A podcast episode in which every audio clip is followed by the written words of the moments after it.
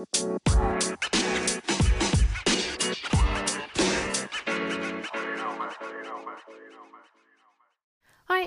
mijn naam is Janneke en welkom bij mijn Positief met Pubers podcast. De podcast waarin ik elke week vragen van ouders beantwoord over het opvoeden van pubers.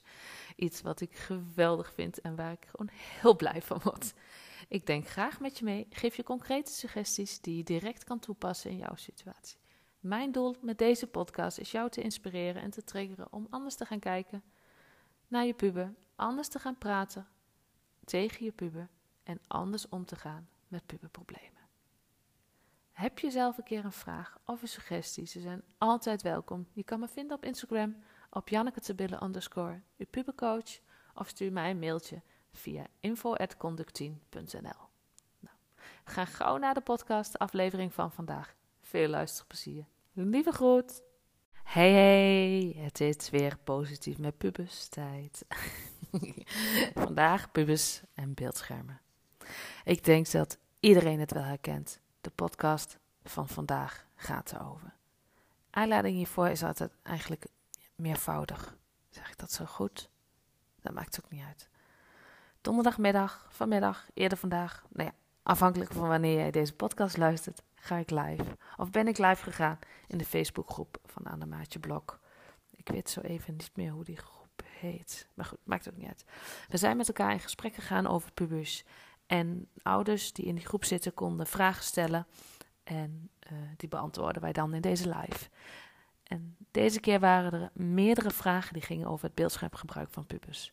Dat het zo extreem is dat ze, um, ja, dat ze hun ogen er niet van af kunnen houden. En dat ze er niet van af kunnen blijven. Dat ze ermee vastgegroeid zijn. Dat het, lijkt, dat het moeilijk is te dat ze het moeilijk vinden om het te reguleren. Weet je, dat soort vragen. Anderzijds ontving ik ook een vraag via DM van een moeder. Ze geeft aan uh, meerdere onderwerpen, onderwerpen te hebben die ze lastig vindt in de opvonding, waaronder het telefoongebruik van haar zoon. Dus schrijf mij en ik lees het weer heel even voor. Uh, tot voor kort, uh, is, oh, dit is trouwens een stukje uit, uit het verhaal. Tot voor kort moest hij zijn telefoon s'nachts beneden houden. In de kerstvakantie drie weken hebben we dit uh, losgelaten. Toen school weer begon, was het moeilijk om weer dit weer terug te draaien. Afspraak door de week beneden houden en in het weekend mag hij mee naar zijn slaapkamer. Maar hij luistert gewoon niet. Meerdere keren over gehad, maar hij neemt hem negen van de tien keer mee naar boven. Ik vind het jammer dat het niet lukt. Hij is 16. Hij zit in het examenjaar hier uiteraard met hem over gehad, maar het helpt niet. Nou, de vraag die ik dus net beschrijf, die is de vraag uh, die ik deze podcast centraal stel en waar ik ook uh, uitgebreid antwoord op voor jullie uh, heb bedacht en met moeder heb besproken en met jullie uiteraard wat extra aanvullingen. Nou, naar aanleiding van deze vraag zijn we met de, ben ik met moeder in gesprek gegaan en er zijn er mooie suggesties uitgekomen die ik ook graag met jullie wil delen nou ja, wat ik moeder geantwoord heb, komt eigenlijk op het volgende neer. Weet je, ik, ik heb moeder verteld dat, uh, dat ik nog eens het gesprek zou aangaan over het gebruik van de telefoon. Weet je, de afspraken staan. Leg ook desnoods nogmaals uit dat het voor zijn, ook voor zijn eigen bestwil is. En draai het om. Vraag aan hem wat zijn motivatie is om de telefoon toch mee te nemen, ondanks de afspraken. Laat hem de voordelen en nadelen benoemen. Want weet je, ik denk dat en deze ook, maar dat heb ik dus niet gevraagd. Dat bedenk ik me nu, nu ik dit met jullie bespreek. Uh, wanneer die jongen er niet op aangesproken wordt, wanneer hij gewoon kan doen, maar dat is even aannemen, weet je, dan zou ik het ook doen.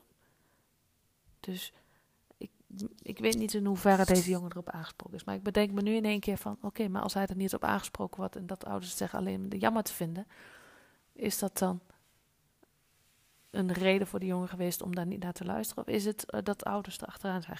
Goed, dat is iets wat ik deze moeder nog even kan voorleggen. Om weer terug te komen naar uh, bij mijn verhaal. Weet je, laat hem de voordelen en nadelen benoemen. Hij zal moeten voelen en ervaren dat, hem, dat ze de nadelen voor hem zwaarder wegen dan zijn voordelen. Dus dat het vooral nadelen geeft. Dus zorg dat je die verantwoordelijkheid dus ook naar hem toeschrijft. Nu is het mogelijk dat hij het ziet als iets dat van jullie moet. Dus daar, daar zit voor hem geen, geen eigen, eigen ding in. Hij is 16, hè? Begeleid hem hierin en kom tot een compromis. Daarna is het aan deze ouders de taak om ook daaraan te houden. Het is nu goed mogelijk dat hij nu zoiets heeft van: Goh, ze doen er toch niks aan. Wat ik net ook zei. En het heeft geen gevolgen. Dus zolang ze niks zeggen, nou ja, weet je. Dus die verantwoordelijkheid moet van jou als ouder naar hem gaan. Weet je, en wat ik al zei, hij is 16 hè. Even een side note, ik denk het wel een hele belangrijke. Ik heb even voor jullie opgezocht eh, het volgende. Het gemiddelde scherm, beeldschermgebruik is tussen de 4 en de 7 uur per dag bij pubers. En dit is op een normale schooldag en schermtijd uh, op school, dus laptopgebruik uh, voor school, is daarin niet meegerekend. Maar ga maar eens na. Even een, logische redenatie. Je puppel wordt ochtends wakker. Zit hij dan op zijn mobiel? Zo ja, hoe lang zit hij dan op zijn mobiel? En op school zullen ze vast en zeker ook op hun mobiel zitten. En zullen ze vast en zeker ook met hun mobiel gericht zijn. Na schooltijd eerst huiswerk maken, lijkt mij. En daarna is het hun eigen tijd. Dan hoeven ze, en als ze niet, hoeven geen andere afspraken hebben, niet hoeven te sporten, niet hoeven te werken of whatever. Weet je, dan mogen ze hun eigen tijd bepalen, lijkt me. Tenminste, dat zijn afspraken die ik zou maken. En mogelijk s'avonds dan nog even. En dat zou ik adviseren. En, en ik weet dat wetenschappers dat bevestigen. Is geen beeldschermen meer, meer naar boven. En geen beeldschermen meer na spreek de tijd af. En het mooiste voorbeeld zou zijn dat je dat dan als ouder ook niet meer doet. Maar dat kan ik natuurlijk niet voor ouders bepalen. En vier tot zeven uur, is dat dan veel? Nou, ik heb even gekeken naar mijn eigen beeldschermgebruik. En ik kom gemiddeld op iets meer dan vier uur per dag. En dan kan ik heel mooi als excuus gebruiken dat ik het ook voor mijn werk doe. Maar dat is natuurlijk een heel mooi excuus. Ik heb daar ook wel eens een post over gemaakt. En mijn gebruik is dus iets meer dan 7 uur. Wat is jouw gebruik? Hoeveel uur besteed jij op je telefoon per dag? Weet je, op je iPhone kun je dat heel mooi zien bij je instelling met je beeldscherm. Of uh, schermtijd. Dus ik neem aan dat dat op andere telefoons ook kan. Dus wanneer je kritisch naar jezelf kijkt, hoeveel gebruik jij je telefoon op een dag? En wat voor signaal geef je dan af aan je puber? Weet je, ziet jouw puber veel op je mobiel kijken, de ja of de nee? Weet je, dat is wel, je bent een voorbeeld voor je puber. Goed, dat was even een side note. Het gesprek ging nog verder. Moeder reageerde, en ik moet het weer even voorlezen. Um, waar heb ik hem gelaten? Ja, ja, ik heb hem weer. Ik ga het weer over hebben en zal zijn motivatie vragen. Vind je dan dat er een consequentie aan moet hangen als hij zich niet, hier niet aan houdt? Ik spreek er op aan, maar doe er verder niks mee. Oh, daar heb je eigenlijk al antwoord op mijn vraag van net. De wifi uitzetten heeft geen zin. Hij is echt eigenwijs in deze dingen en vermoedt dat hij alleen voordelen gaat opnoemen. Nou, goed, ik heb hier natuurlijk weer op gereageerd en ik bespreek dat ook even mee met jullie. Wat ik moeder heb gezegd, stel de vraag eens terug. Vind jij dus wat betreft die consequenties, vind je zelf dat je de consequenties aan moet verbinden? Want je geeft aan dat je dat nu niet doet. Wat is de reden dat je dat nu niet doet? Weet je, ik kan wel zeggen dat, dat het wel of niet moet, of dat het goed is of niet. Maar als, het, als ik zeg dat het goed is en dat voelt voor jou niet goed, dan moet je het niet doen. Dus je moet vooral ook doen wat voor jou goed voelt.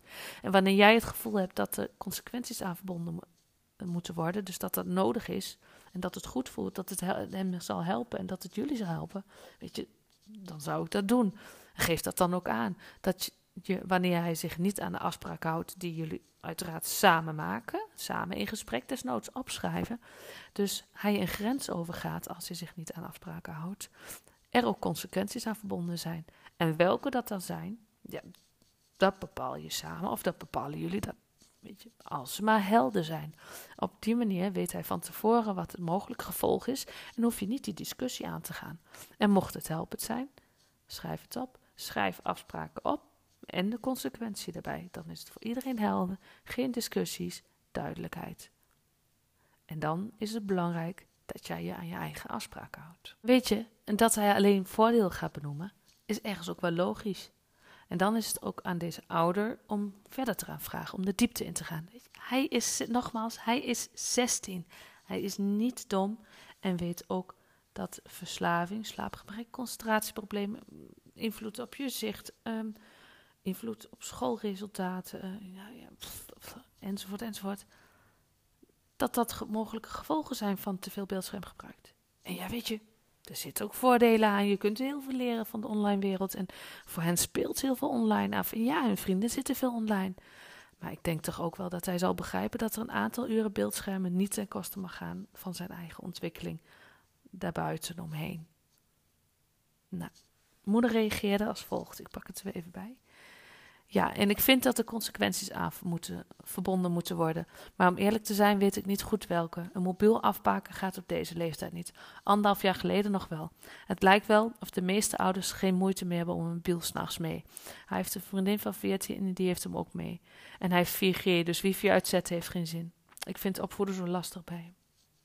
Nou, mijn reactie, en dat is misschien een hele fijne ook voor jullie. Uh, laat je zoon meedenken in de consequenties. En Waar is je man of je partner in deze?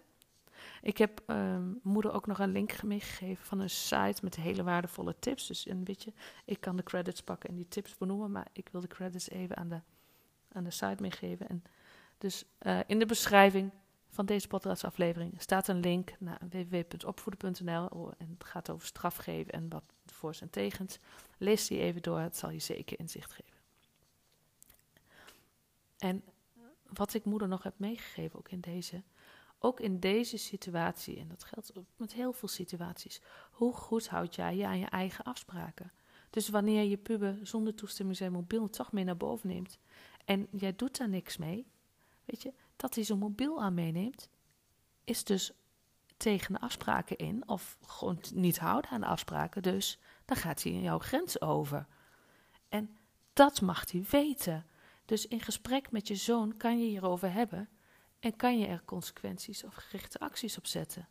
Weet je, dan is gewoon een discussie niet mogelijk, omdat hij op de hoogte is van die afspraken en dus niet die ruimte meer heeft om daarover te gaan. En weet je, ik besef me uiteraard dat dit een onderwerp is dat erg lastig kan zijn. Wij hebben zelf ook een dochter. En als zij de mogelijkheid krijgt, zal ze de hele dag op haar iPad zitten.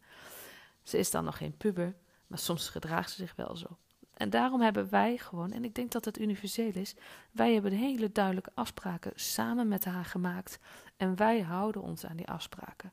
Dat heeft ze nodig. Anders is ze ook echt een heel geheide tante en maakt ze er gebruik van. En ik denk veel kinderen. Ik wil niet zeggen alle kinderen, want dat, dat kan ik niet bepalen. Maar ik denk veel kinderen voelen dat aan. Dus ook jouw puber. En die maken er gebruik van. Het is daarom aan jou, dus ook aan mij, om aan mijn eigen afspraken te houden. Dan zal het niet mogelijk zijn om de ruimte te pakken en toch dingen te doen, want dan volgen de consequenties. En mogelijk zal het in het begin nog gebeuren, maar daarna niet meer, omdat je kind weet, omdat jouw puber weet dat de gevolgen er zijn. En die zijn niet in hun voordeel, want jij houdt je aan je eigen afspraken. Pubers en beeldschermen. Ik denk dat dit een ding blijft en dat het soms erg complex is. Weet je, wanneer laat je je touwtjes een beetje vieren, zeg je dat zo? Nee, goed, je weet wat ik bedoel. En wanneer blijf je duidelijk en consequent? Soms uitdagend, maar niet onmogelijk, want niets is onmogelijk. En zeker niet wanneer jij blijft doen wat voor jou goed voelt. Voelt het voor jou goed om constant consequent te blijven, zodat kinderen een afspraak houden? Doe dat dan. Wanneer het voor jou goed voelt om af en toe te denken: oh weet je, ze hebben het verdiend, ik geef ze wat extra. Of uh, ik ben even wat minder consequent, doe dat dan. Kijk voor wat, wat voor jou goed voelt. En geef dat ook duidelijk aan. Goed, tot zover deze podcast. Ik hoop dat je er weer wat aan hebt gehad. En dat je weer inzichten hebt en waar je direct wat mee kan. Want ik vind het natuurlijk heel fijn dat je denkt van, oh ja, ah, ja, van die AA-momenten. Maar wanneer je geen actie onderneemt, blijft de situatie natuurlijk zoals deze nu is. Dus wil je wat veranderen aan je situatie, kom dan in actie. Ik weet dat jij het kan. Heb vertrouwen in jezelf. Dankjewel weer voor het luisteren en tot de volgende keer.